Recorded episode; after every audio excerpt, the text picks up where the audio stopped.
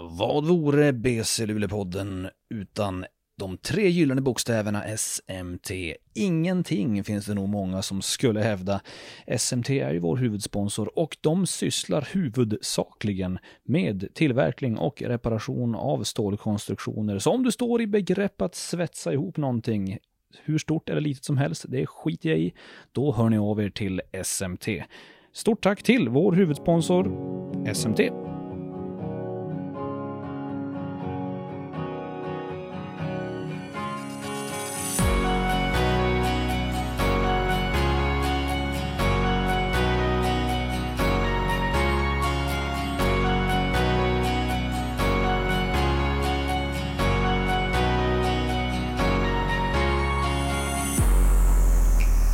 Ja, hallå där basketvänner och varmt välkomna till ett nytt avsnitt av BC Luleå-podden med mig, Max Wik. Idag har vi en gäst med oss och det är ingen mindre än guldtränaren, mästercoachen David Vischer som tagit sig tid för att sitta ner en stund där med oss. Välkommen!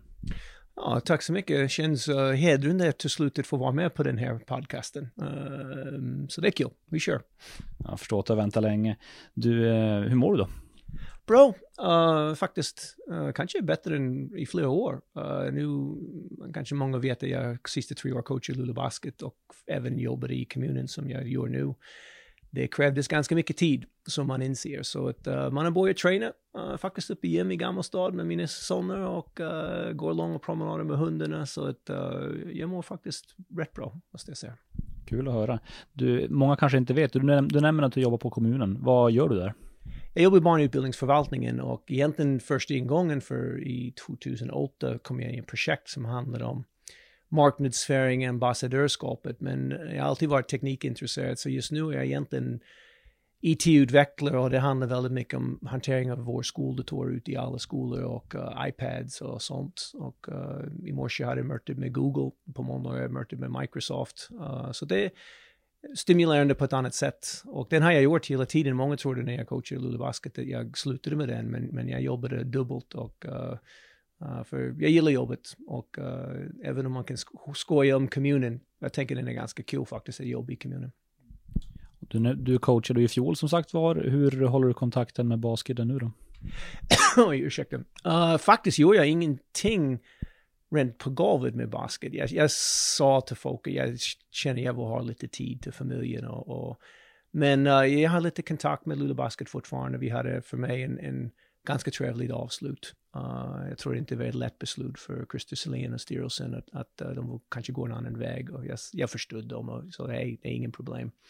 Och egentligen hade jag samma avslut med BC Luleå. Uh, jag hade i julas var här uh, och rockade både Peter Örqvist och Håkan Larsson var här och även Robin uh, Sandberg och uh, Case over här och båda grupperna höll på att kolla efter nya förvarvsspelare. Jag skrattade lite grann och sa oj, oj, oj. Jag kommer ihåg de där dagarna. Det är ganska skönt att åka hem, inte behöver bry sig om, uh, titta på video och prata med agenterna. Så att, uh, jag har lite kontakt, men, men uh, ingen riktig uppdrag just nu.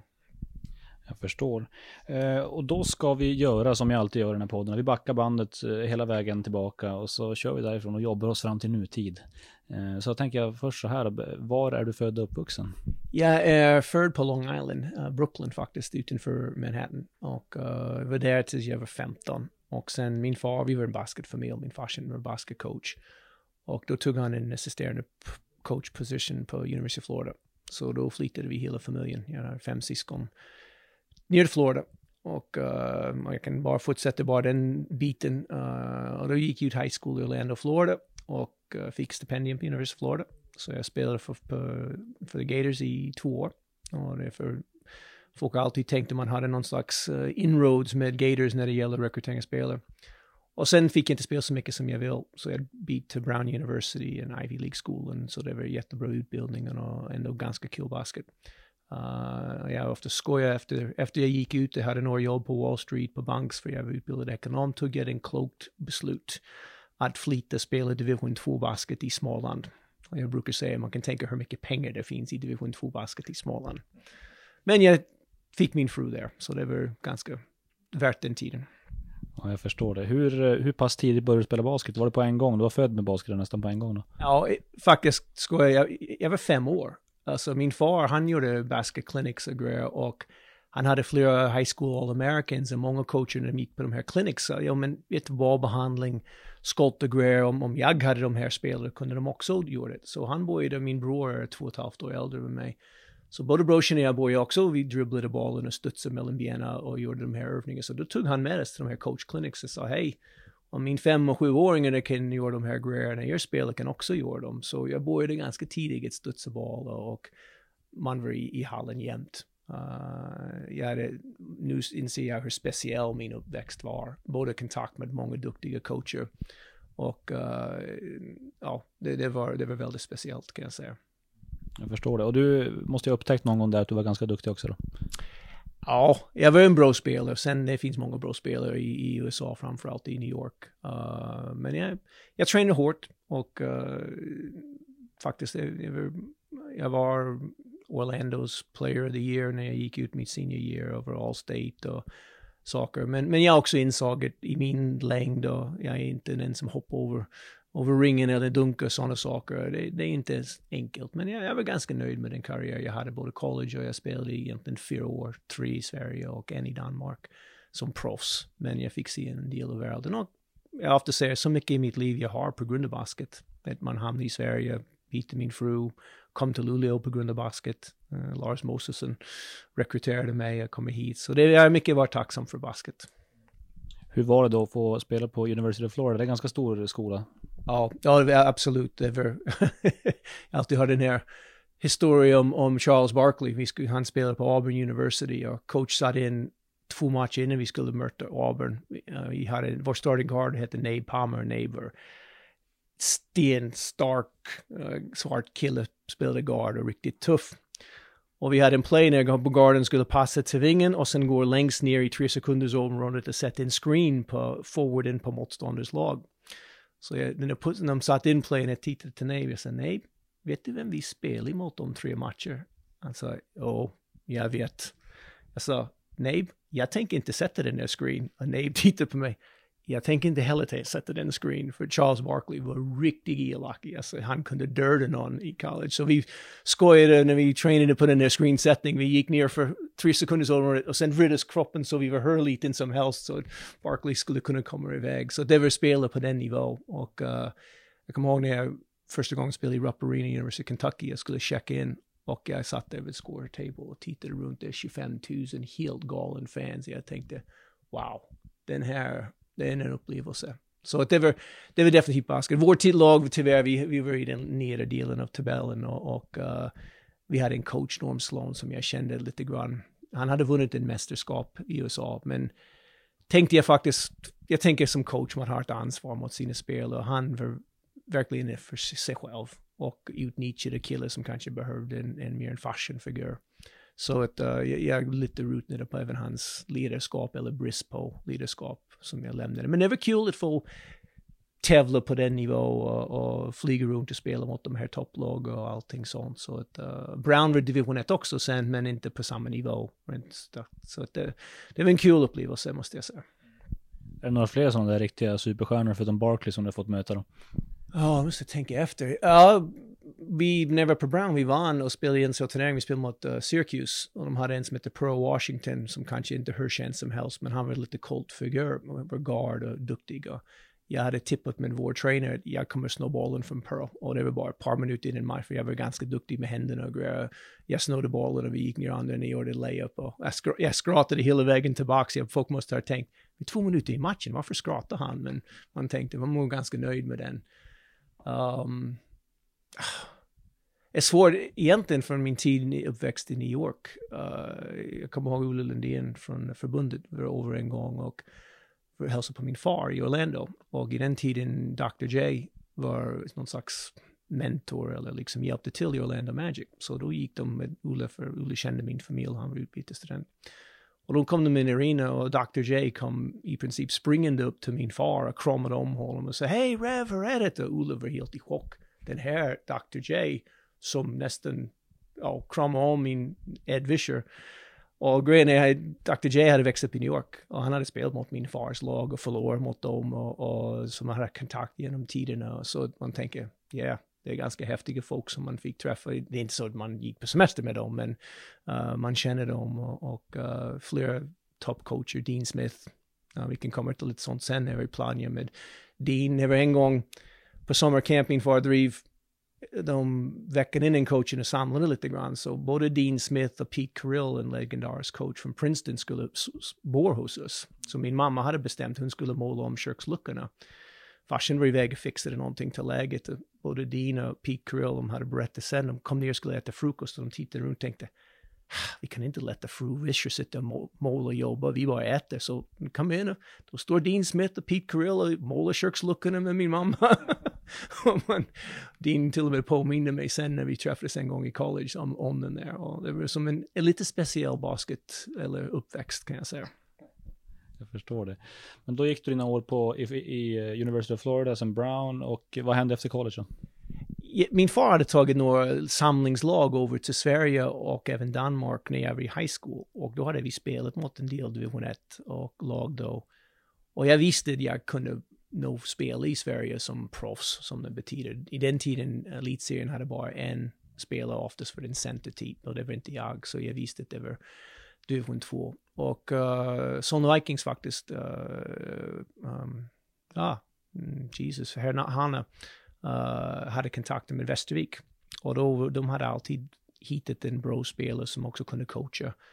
Och så de erbjöd mig kontrakt och då kände jag, ja, jag hade faktiskt en erbjudande på Kidder Peabody Investment Bank och eh, jag gick till vdn som var en Brown alum och förklarade liksom sitt, så han kom ihåg, han, han sa Dave, du vill fortfarande spela basket, åk över och spela basket. Vill du jobba på banken när du kommer tillbaka, ring mig, kan vi hitta och fixa någonting. Och jag kände det var, det var lite kul att, att uh, han kunde ge mig den råd. Så det var på den vägen. Och jag var tre år i Västervik och Uh, det var faktiskt en, en, en ung flicklag som jag coachade som hjälpte mig uh, lära mig svenska helt enkelt. Jag sa till dem, jag kommer lära er basket och jag vill ni hjälpa mig att lära mig svenska.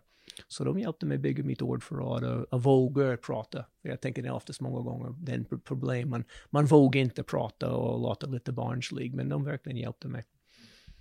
Hur snabbt, eller hur länge tog det innan du började liksom vilja satsa på coachningen där, från, från det då? Det tog lite tid. Det var tre år jag spelade, även jag coachade. Jag skulle inte vilja säga att jag, det var som första valet. Uh, sen efter, jag, det var en tid när jag kom hem och det, det var två tredje året i Sverige och vi hade en, en samling i USA med min fars gamla spelare, folk som kände mig och alla frågade vad jag gjorde. Jag sa, ja, jag hade liksom, för de visste jag hade pluggat ekonomi. Ja, jag spelar i Sverige och jag coachar också. Alla började skratta. Och jag tittade på honom, så skrattade ni åt och sa Dave, alla visste du skulle bli coach till slut. Ingen trodde du skulle bli bankman eller någonting annat. Och det var lite roligt att höra alla de här som kände mig visste att det, det kommer gå den vägen. Och, uh, men jag kom tillbaka till Sverige på grund av min fru. Vi bestämde att vi skulle gifta oss och bo i Sverige i 95. Och då visste jag inte exakt. Jag faktiskt intervjuade med Ericsson uh, som ekonom. Men Solna Vikings hörde av sig till mig. Eh, de visste inte, tror jag, riktigt, ska han spela, ska han coacha? Och då faktiskt coachade deras uh, U20-lag, 77 med Mats Levin och Leslie Myrtle och verkligen, man pratar om kanske en av de bästa ungdomslag någonsin med Tony Larsen. Så då slog man in där och då kände man att ja, det är ganska kul. Och då fick man erbjudande efter erbjudande och uh, det är inte så att jag bestämde jag ska bli coach. Men jag hade så mycket i generna och bagaget från min uppväxt att det var, det var inte så enkelt, det inte så svårt att gå in på den här vägen. Vad var första coachjobbet i högsta ligan i Sverige som du fick då? Jag var, um, så jag var assisterande coach i Solna Vikings med Bengt Wiström.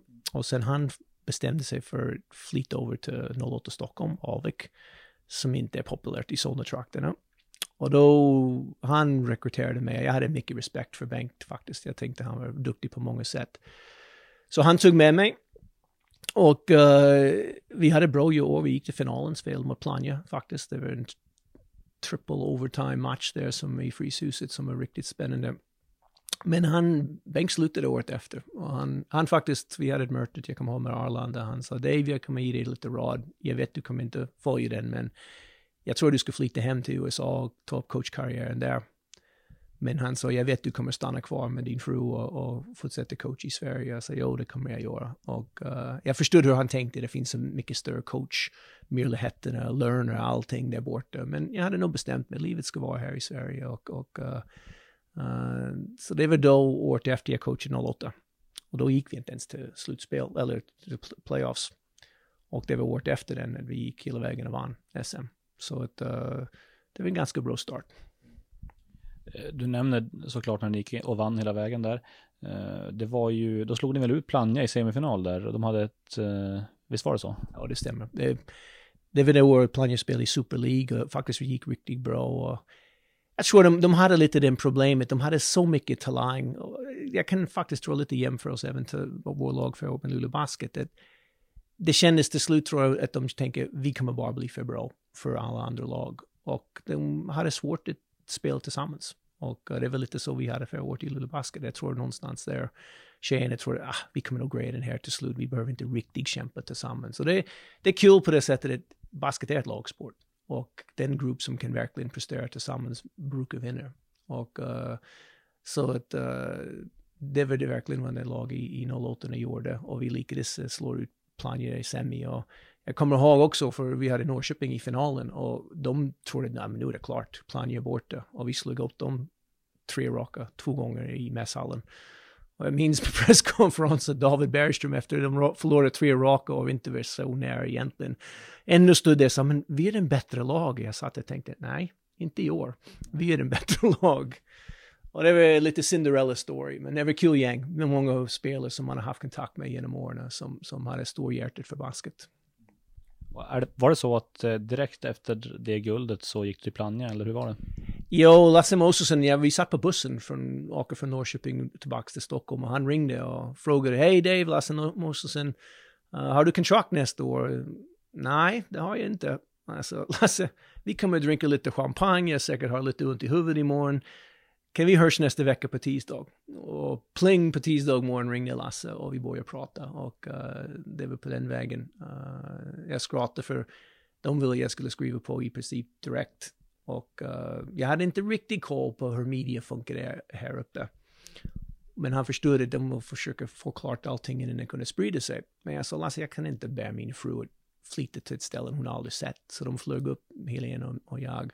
Och jag skrattade för de låg all fokus på Helene. Jag nästan fanns inte, för de förstod att det är viktigt att hon vill komma hit och de verkligen lyckades vinna över henne. Uh, så att uh, det var på den vägen det gick. Och jag minns när jag först kom upp, folk kunde titta lite snett. Aha, det är den, där jäkeln från 08. Men sen efter ett tag de lärde sig att jag skulle coacha Plannja och det, det, det gick över.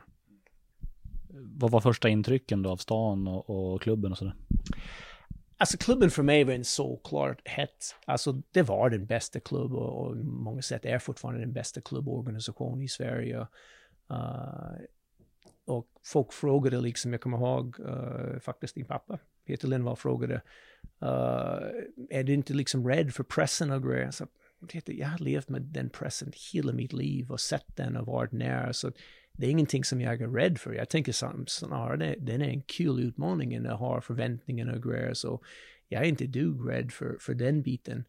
Um, vad jag gillade verkligen var den proffsighet. Jag vill inte snacka skit om andra föreningarna, men, men Plannja var och BC Luleå är på här sidan hästlängder framför, uh, tror jag, all, alla andra i, i allting, inte bara liksom spelet, men runt omkring och ta hand om folk. Och jag minns en liten grej när jag Uh, först flyttade upp, vi hade en liten torktumlare som vi behövde montera i vår badrum. Så jag sa på kansliet, kan det, har vi kontakt med någon elektriker eller någon som skulle kunna hjälpa? Och så, ja, ingen riktigt sa någonting. När jag kom hem efter träningen, då var det monterat upp på vägen. Och det var Lasse Sandström som hade åkt dit och satt upp den. Lasse har gått bort. Ja. ofta säger man saknar honom jättemycket jag skrattade, vi sa till min fru, den där hade tagit tre månader och sex samtal i någon åldersverksamhet att få den upp och det gick på bara 45 minuter att fixa den här. Och det är väl sådana där saker som gör väldigt bra intryck, måste jag säga. Ja, jag förstår det. Och, eh, men du är inne på pressen, du nämner den såklart. Och det går inte ens att jämföra hur det var då med hur det är nu. Nu är det inte alls samma förväntningar. På den tiden känns det som att Förlorade Plannja en grundseriematch så var det nästan lite skam, skam i det. Eh, du hade inga problem med att hantera det där alltså? Ja, det är klart.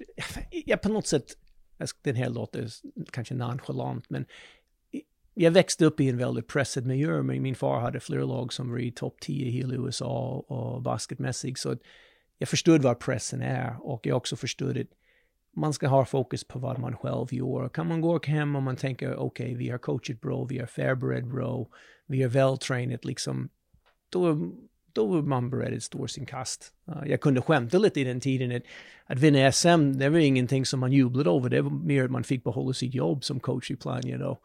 Uh, ja, det finns en fara med den. Vinner man för mycket för ofta, det blir lite slentriant. Tyvärr, men det kan låta konstigt, men för publiken, för alla som du säger, förväntningarna blir inte om man vinner, det är hur man vinner och, och men det är en problem, det är folk har förväntningarna. Alltså, så enkelt är det. Så att, uh, men i den tiden som du säger, det, det var en förlust. Jag minns vi förlorade, var det andra året eller tredje året? Akropol var nerkomlingarna och vi förlorade lagom stort faktiskt i, uh, uh, nere i Stockholm. En av första matcherna på säsongen och det var en katastrof. Jag skulle ha 50-årsfest, uh, eh, nej, uh, 40-årsfest bara några veckor senare och jag var helt, jag var så jäkligt förbannad både på mig själv och laget. Jag kommer ihåg Lasse Mosesen som var också jätteförbannad på sig. Till slut ringde upp mig och sa Dave, du kan inte ställa in din 40-årsfest, alltså vi, vi är arg, men och jag skrattade till slut, jag sa okej, okay. men, men det var som en katastrof. Sen när vi ser Akropol hade ganska bra lag den år, och, och, men i den tiden, ett lag, en förlust till nykomlingarna, den, den fanns inte. Jag kommer ihåg Mattias Kente, jag låg på hotellet, Mattias sa, oh shit, den här är riktigt jobbig. Och jag sa, jo, men vi måste åka tillbaka till Luleå, vi kan inte stanna här. Men då, du flyttade hit, när var det? 2002 och 2001? 2001 tror jag var. Nej, 2001, 22 var eller 01, 02 var första säsongen. Jag var tvungen att gå kolla faktiskt. Man, man börjar tappa minnet på de här sakerna. Uh, eh, och Jänker, man blandade ihop, men det var Eddie Shannon uh, och Josh Shoemaker. Och sen Lasse Mosen hade rekryterat Jonas Larsson tillbaks från Frankrike, så det var stort. Jag skrattade, Eddie var lite kul, för Eddie hade bara ett ögat. Han hade förlorat ett ögat som barn. Och jag gick in till Lasse och jag visste Eddie var riktigt duktig. Och uh, uh, jag sa att, att um, alltså, ja, det är bara en sak jag måste berätta, han, han har bara ett ögat. Och Lasse, liksom, vi kände inte varandra så väl, men han höll lite minnet och grejer, men då kom jag några dagar senare och jag sa, Lasse, jag tror jag hittade en annan spelare nu. Han sa, ja, har du någon med bara ett ben nu eller? Och vi, vi, man pratade lite om det, vad, vad hände någonting alltså? Men Eddie hade spelat hela sin karriär med bara ett öga och gjort det riktigt bra, så den var inte jag orolig över. Men det var lite kul, men Lasse lite glimten i ögat, kunde inte låta bli att skoja om det. Exakt. Och det gick ju ganska bra redan på en gång där, det året va? Vi vann. Det var bra i år. Det var, Södertälje hade bra lag, så det var spännande matcher. Men, men uh, det var kul. Det var, jag ofta säger, viktigt när man kommer upp. Alltså, man, ny coach till Plannja, tar det ett par säsonger innan man vinner, då är det inte säkert man är kvar.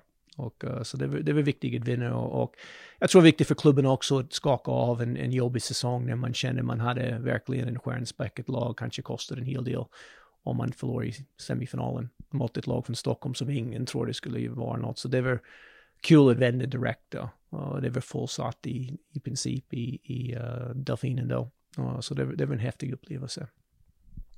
Och det blev fyra guld för dig, sju säsonger, om jag inte är helt ute och cyklar va? Det stämmer. Uh, fyra i plan, ja, det stämmer. Jag var tvungen, min dotter Stephanie frågade mig i somras, jag var tvungen tillbaka att gå och räkna upp. Och jag hade fem, en med 08 på här sidan och sen tre, uh, nej, två stycken med Luleå Basket. Så att, uh, det är några SM-guld. Jag brukar inte tänka på den fokus, ofta säger liksom, du måste ha mest SM-guld och, no, no, jag, jag, har ingen aning, jag kollar inte på sådana där saker. För mig varje lag är lite speciell och Uh, så det var, uh, men det var kul. Och jag är stolt över den jobb vi gjorde för Plannja, faktiskt. Med många bra spel och uh, bra människor runt omkring faktiskt. Är det något av de där gulden, nu tänker jag framförallt på Plannja då, som du, som du håller lite närmare hjärtat? Uff, det är lite svårt att säga. Um, jag tänker det år vi var med Fred Drains, Carlos Wheeler, uh, det var faktiskt, och Jonas Jerebko var också med. Det var faktiskt riktigt kul. Vi filmade 08 Stockholm. Och uh, Jonte Karlsson alltid lite explosivt och stora ordergrejer och, och det, är ingen, det är ingen far med den. uh, på det sättet. Men uh, jag minns när vi vann guldet och Jonas Jerebko var på planen och hade Carlos Wheeler bredvid mig och han höll sista fem minuter. Och vi höll på att vinna matchen och det funkade jättebra. Jonas jagade Micke Lindqvist runt omkring screens och Micke kunde inte få iväg ett skott. Och Carlos vibrerade och jag, jag, jag vill liksom, för han, han förstod, jag är jänk, jag ska in. Och jag sa det till Pat Ryan, vi biter inte den här femman.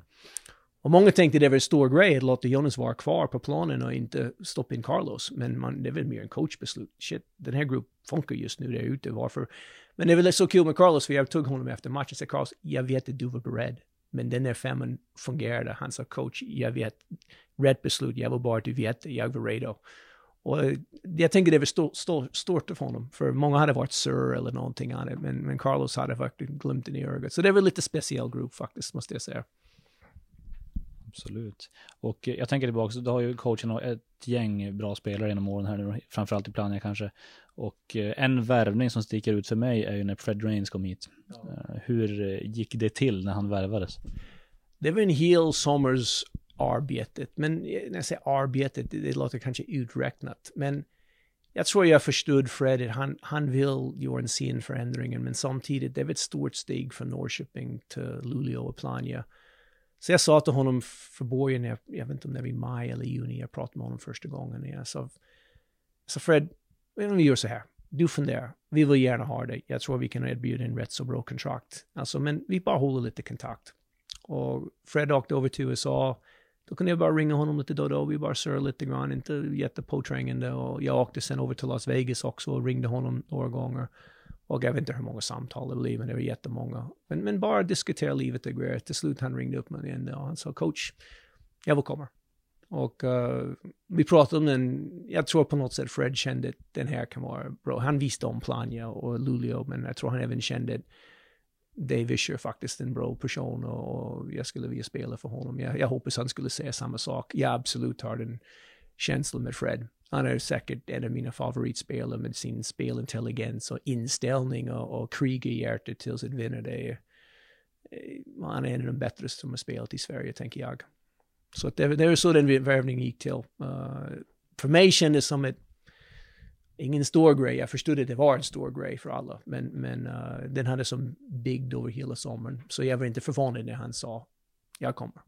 Så det var kul. Och det var samtidigt, han hade precis blivit svensk medborgare då också va? Ja, det stämmer. Och vi, vi visste det hjälper, men man, han räknas inte som amerikan och uh, kanske, jag vet inte hur Norrköping säkert tänkte att, uh, nej men han är vår kille liksom, det är klart nu har vi en ännu bättre lag, men, men inte som Fred sa det, men jag vet i alla förändringar, saker ibland funkar inte som det ska. Ibland får inte folk betalt eller man blir lovad någonting och den, det måste man veta som förändringen, någonstans det kostar. Den, den skapar en, en bad will. Allt kan hända, ingen förändring i organisationen är perfekt, men det får inte hända för ofta. Och uh, jag tror kanske Fred kände att, för det är definitivt en av saker som jag tog upp, det funkar här uppe. Du kommer få betalt, du kommer få mer förmodligen än lovet till dig och, och det är ganska skönt. Uh, så att jag tror att det också kan ha påverkat honom. Han förstås superduktig, en av de bästa vi haft här. Vem är den bästa du har coachat? Kan du, eh, det kanske är svårt att ranka. Ja, sen man hamnar i den här positionen. Um, Fred tänker jag, alltså precis vad han har gjort i svensk basket och fortsätter. Det glädjer mig när vi har åkt ner till, till Åkeshovhallen och ser honom coacha ungdomar. Det är jättekul. Um, Brent Wright var en av de bäst mest all-around.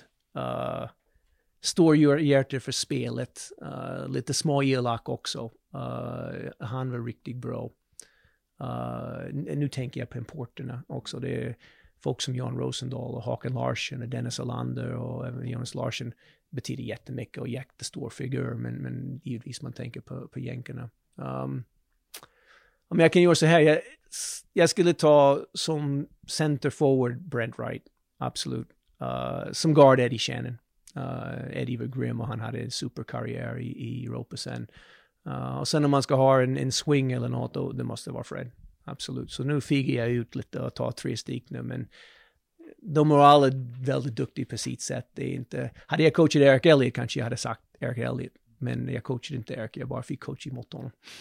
Eller var tvungen att coacha emot honom. Exakt.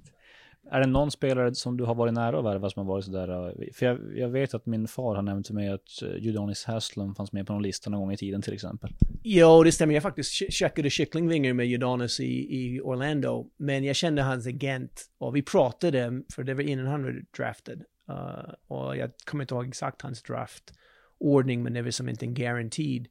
Så det är klart att de vill hålla bollen i luften. Men jag också förstod att det var ganska stor long shot. Um, det var en annan kille jag kommer ihåg som var, jag, jag har faktiskt inte följt honom efteråt, Terrell Williams som var riktigt duktig och jag träffade honom i Las Vegas. Uh, en 6-7, 6-8 forward, kunde skjuta som en guard, snabbt och kvick och han tackade nej, han skulle till någon större ligan och då ringde man mig i november tror jag det var. Och han hade inte fått de här stora jobb erbjudande och då frågade han mig coach, jag bara minns vår samtal, det kändes som riktigt schysst, ärlig person, inte så många andra som är som ljugit om saker och ting.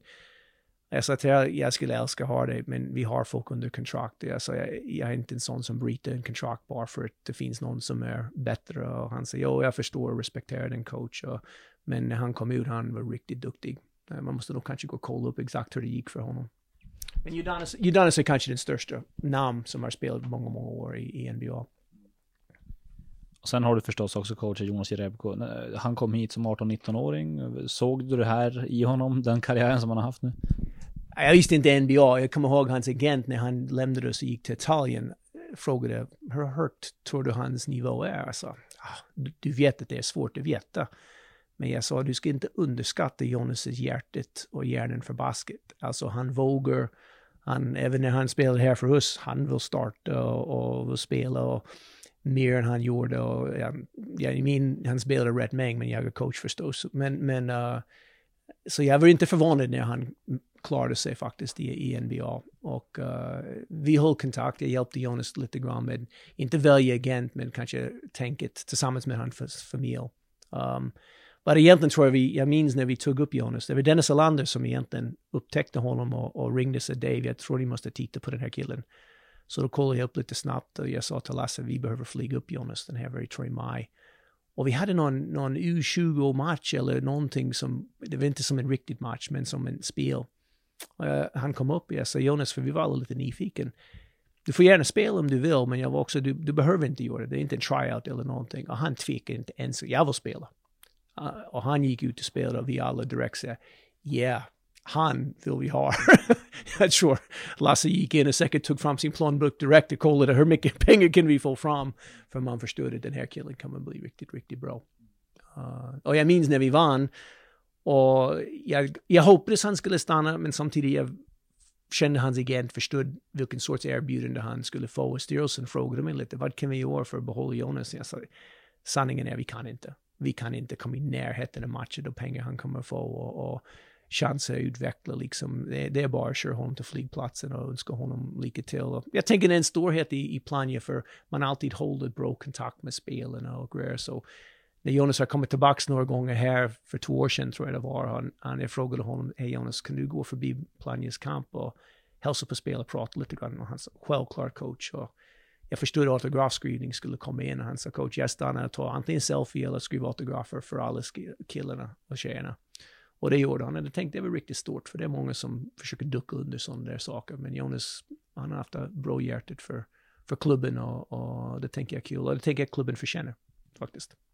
Har du kontakt med honom fortfarande? Lite då och då. Jag, en sak han sa till mig faktiskt när jag, jag hjälpte honom träna lite här för ett par sommar var att jag aldrig jagat honom. En gång, jag hade, han hade inte ringt, jag hade ringt en gång om en sak och det tog flera månader och han ringde upp och bad ursäkta och sa Jonas, du är ett jättespännande tid i ditt liv, massor kommer hända.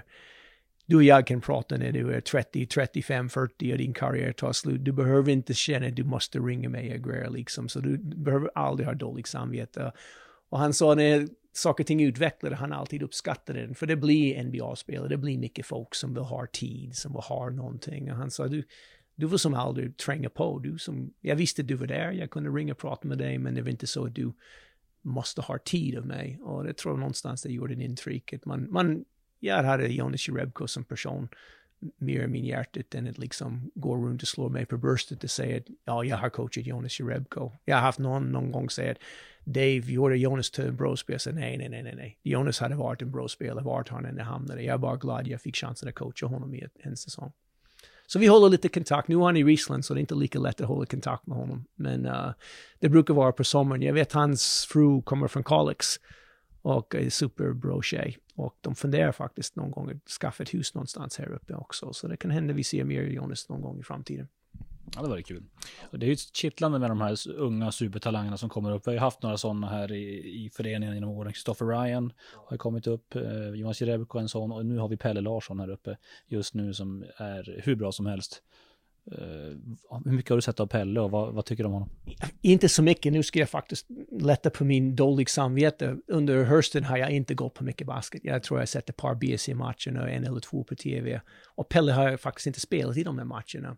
Och samma sak med Luleå Basket och, och jag träffade Christer Selin och några tjejerna. Men det, det har varit lite skönt att vara hemma med familjen och, och, det är inte så att man är less på basket nu under höst eller våren tror jag det kommer börja gå lite mer.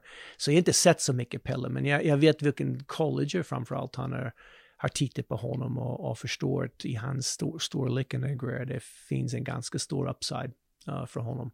Och jag, jag tänker, även om man gärna vill ha kvar spelare i, i föreningen, det är bra steg för honom att gå till college.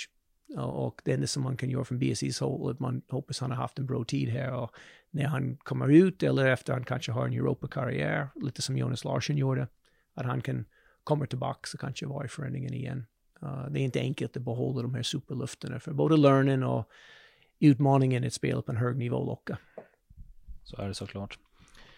Har du några andra sådana minnen från alla åren här nu uppe i, i Plannja som sticker ut när du tänker tillbaka? Ja, kanske många små saker man funderar lite inför podcasten. Jag tänkte Ryan Ordner, jag hade en som jag tänkte var jätterolig. Eh, uh, alla i laget också tänkte. Vi hade en spelare från Baska gymnasiet, gymnasiet Serbillo Bukari, som var talangfull och atletisk, men han var rookie i laget och vi åkte ner till en försäsongsturnering i Tjeckien, spelade mot ett par riktigt bra lag.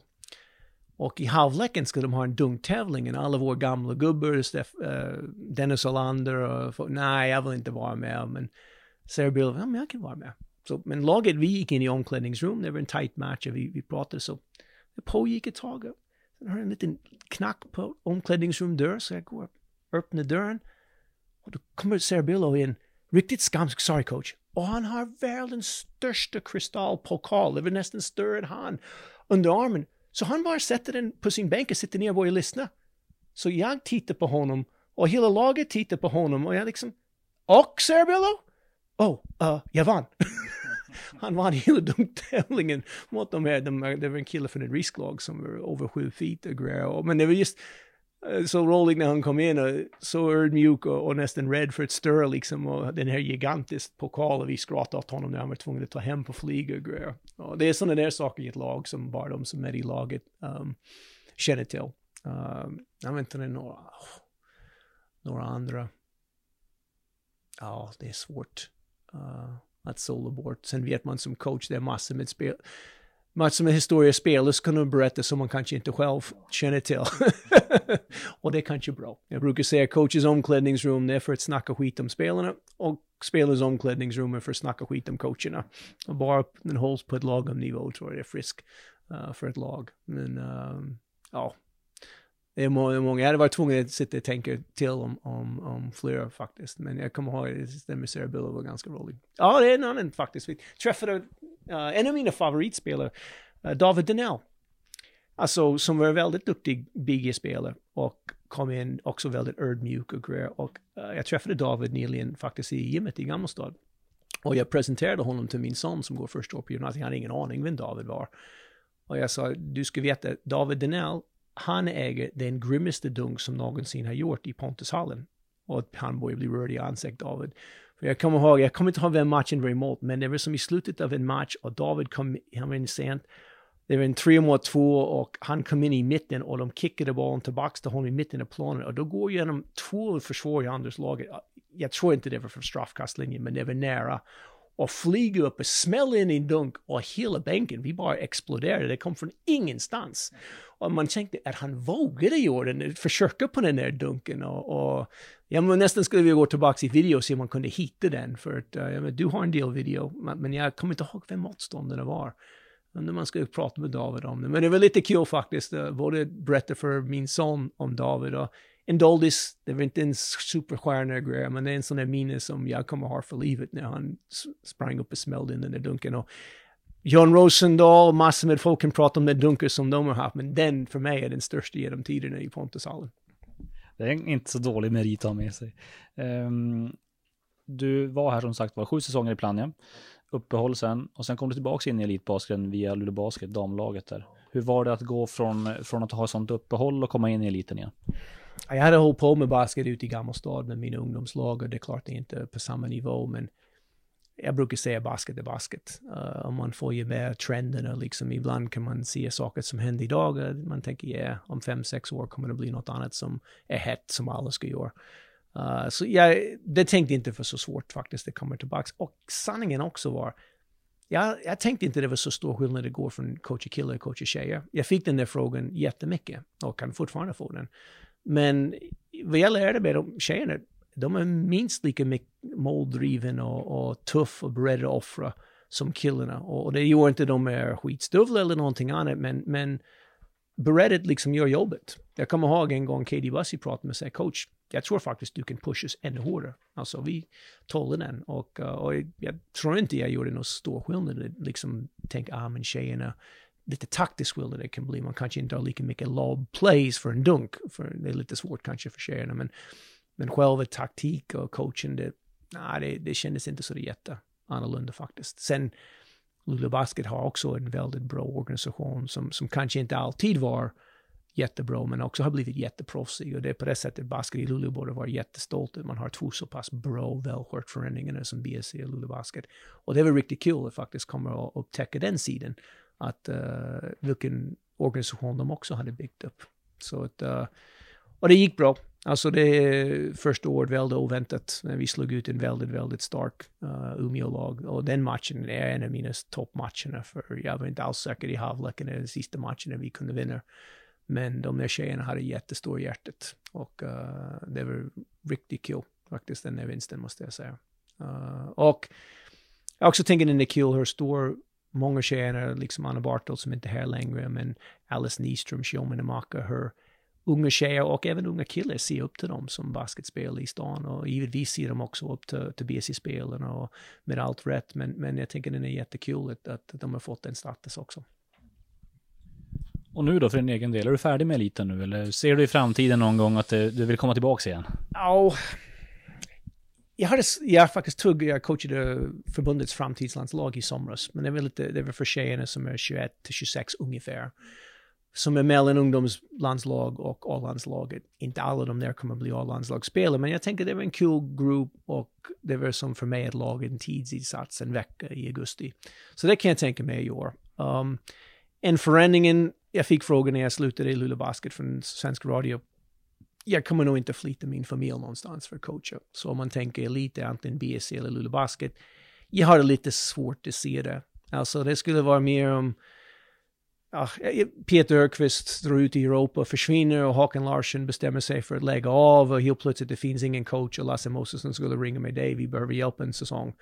Det är det enda sätt som jag skulle se någonting sånt. Men även där, Luleå Basket kunde funka med mitt jobb i kommunen på grund av att vi tränade på kvällarna och, och vi hade bra dialog. Lite svårt med BSC som oftast tränar mitt på dagen till exempel. Så jag, jag tror inte det hade funkat. Och jag är inte säker att den är rätt väg igår. Min tid i Plannja har varit jättekul period. Jag kommer tillbaks, tror jag inte hade varit så smart för mig eller föreningen egentligen. Och, och samma sak med Luleå Basket. Och, kan jag där glida i, vara elder statesman och lite rådgivande och störda och, och sådana saker. Det tänker jag är jättekul. Uh, sen andra insatser i basket i Luleå, det får vi se framöver. Jag, jag tror inte jag kommer lägga lika mycket tid som jag gjorde i Gammelstad, för då skojade jag coachade alla lag i Gammelstad ett tag, för vi hade så många vishor som spelade. Uh, eh, det var riktigt intensivt. Men, uh, så, så jag har inte stängt dörren, men samtidigt jag vet hur världen ser ut. Att, uh, det är inte säkert att jag coachar på den nivån. Det enda som vi diskuterade en gång efter min fru och jag, efter min fru hade fått reda på vad en assisterande coach i en toppdivision ett college känner. När barnen har flyttat hemifrån och grejer, för jag har många vänner som coachar college basket, om någon skulle säga hej, skulle du vilja komma och vara assisterande coach? Min fru sa, jag kan hänga vid poolen och du går och jobbar och, och vi printar pengar. Så att, uh, det, men det hade varit mer som en livsäventyr. Det är flera år. Vår yngsta, sista Visha Lucas är nio år. Så att, uh, han har ingen planer direkt nu att flytta hemifrån. 20 år nästan har du bott i Luleå. Trodde du att det skulle vara 20 år här uppe? Nej, alltså. Um, det var riktigt kul. Jag tror det var andra året. Jag vet inte om det är säkert den fjärde, femte gången Johan Hawkinson hade ifrågasatt om jag skulle coacha ut Plannja och förlorade vi nästa match borde jag få sparken. Och min fru frågade mig, David, om du skulle få sparken, vad ska du göra? Jag sa, ja, jag vet inte, vad tänker du? Hon sa, hon sa, du kan göra precis vad du vill, men jag och barnen tänker stanna i Luleå. Och eh, min fru är från Småland och det är långt upp till Norrland. Och jag tänkte det var så kul att Luleå hade växt så pass mycket på henne. Hon, hon var inte här bara för jag hade jobbat i Plannja och, och, det kändes att vi kommer bygga ett liv även när jag slutade i Plannja. Uh, jag visste inte exakt vad jag skulle göra. Jag är väldigt tacksam faktiskt. Jag fick chansen att, att kom in i kommunen och, och jobbade där. Uh, Sture Brigman som är skolchefen, jag tror han förstod att skolverksamhet var viktig för mig också, för jag växte upp i en familj, min far var rektor på en high school, och motion var professor. Men Luleå har bara växt. Jag gillar storleken på Luleå, alltså man träffar folk när man åker på Ica Quantum, min familj brukar säga, du kan inte gå och handla snabbt på Ica Quantum pappa, du kommer stå och prata med folk i hur många timmar som helst. Och, men jag tänker den är jäkligt kul i Stockholm, man, man måste planera att träffa folk och grejer här, det bara händer. Och uh, jag gillar vintern, även om den här vintern har inte varit optimal om man ska säga. Um, nej, jag bara trivs jättemycket och jag brukar säga också att jag trivs jättemycket med mitt jobb i kommunen och, och vad vi gör är viktigt med skolan. Uh, och basketmiljö och allting sånt. Alltså för folk som kan ibland prata om att ah, man längtar till någon annanstans. Alltså, jag ofta tänker, ja, stanna upp och tänka efter så mycket fina saker vi har här i Luleå och uh, Um, men 20 år, det tror jag nog inte. Och, men nu tror vi kommer inte flytta. Men jag ser inte flytta, även om jag skojar med den assisterande coach. Uh, vi är nog kvar och uh, det känns kul faktiskt. Jag vet inte vad man säger på svenska, men uh, på engelska man säger man är en fixture. Att man finns alltid runt omkring. Och än idag kan jag gå på möten och det kan vara folk som frågar mig i kommunen, men hur går det med basket? Men jag coachar inte just nu. Aha, på något sätt tänker jag alltid coachar. så det är lite roligt. Och uh, den har verkligen växt. Jag har gjort några filmer på engelska som är lite PR för kommunen. Och, men det är inte svårt att prata från hjärtat hur mycket man gillar Luleå och trivs här faktiskt. Då är jag jättenöjd sådär. Har du någonting mer som du känner att vi inte har uh, täckt? Oh, jag, har en, jag vill bara säga, men jag kan få den här i backänden jätteviktigt att gå på matcherna. Nu säger jag under hösten, jag har inte, min närvaro har inte varit bra, men vår lag behöver vår stöd och support och matcherna blir mer roliga när folk går på matcherna och jag kommer börja förbättra mig att vara på matcherna och heja och, och klappa och inte bara bedöma spelet och grejer. För det, det är viktigt för så många basket trees i Luleå att det är kul att gå på matcherna. Lag behöver stödet, det hjälper även föreningarna med sponsorer och allting sånt. Så att om du gillar basket i Luleå och tänker den är kul, kommer till hallarna. Alltså kommer och heja på BC Luleå, heja på Luleå Basket och, och klappa och jag ska försöka förbättra mig på den konto också. Stort tack David för att du tog dig tid. Det här har varit BC Luleå-podden med David Vischer och vi säger också stort tack till vår huvudsponsor SMT på återhörande.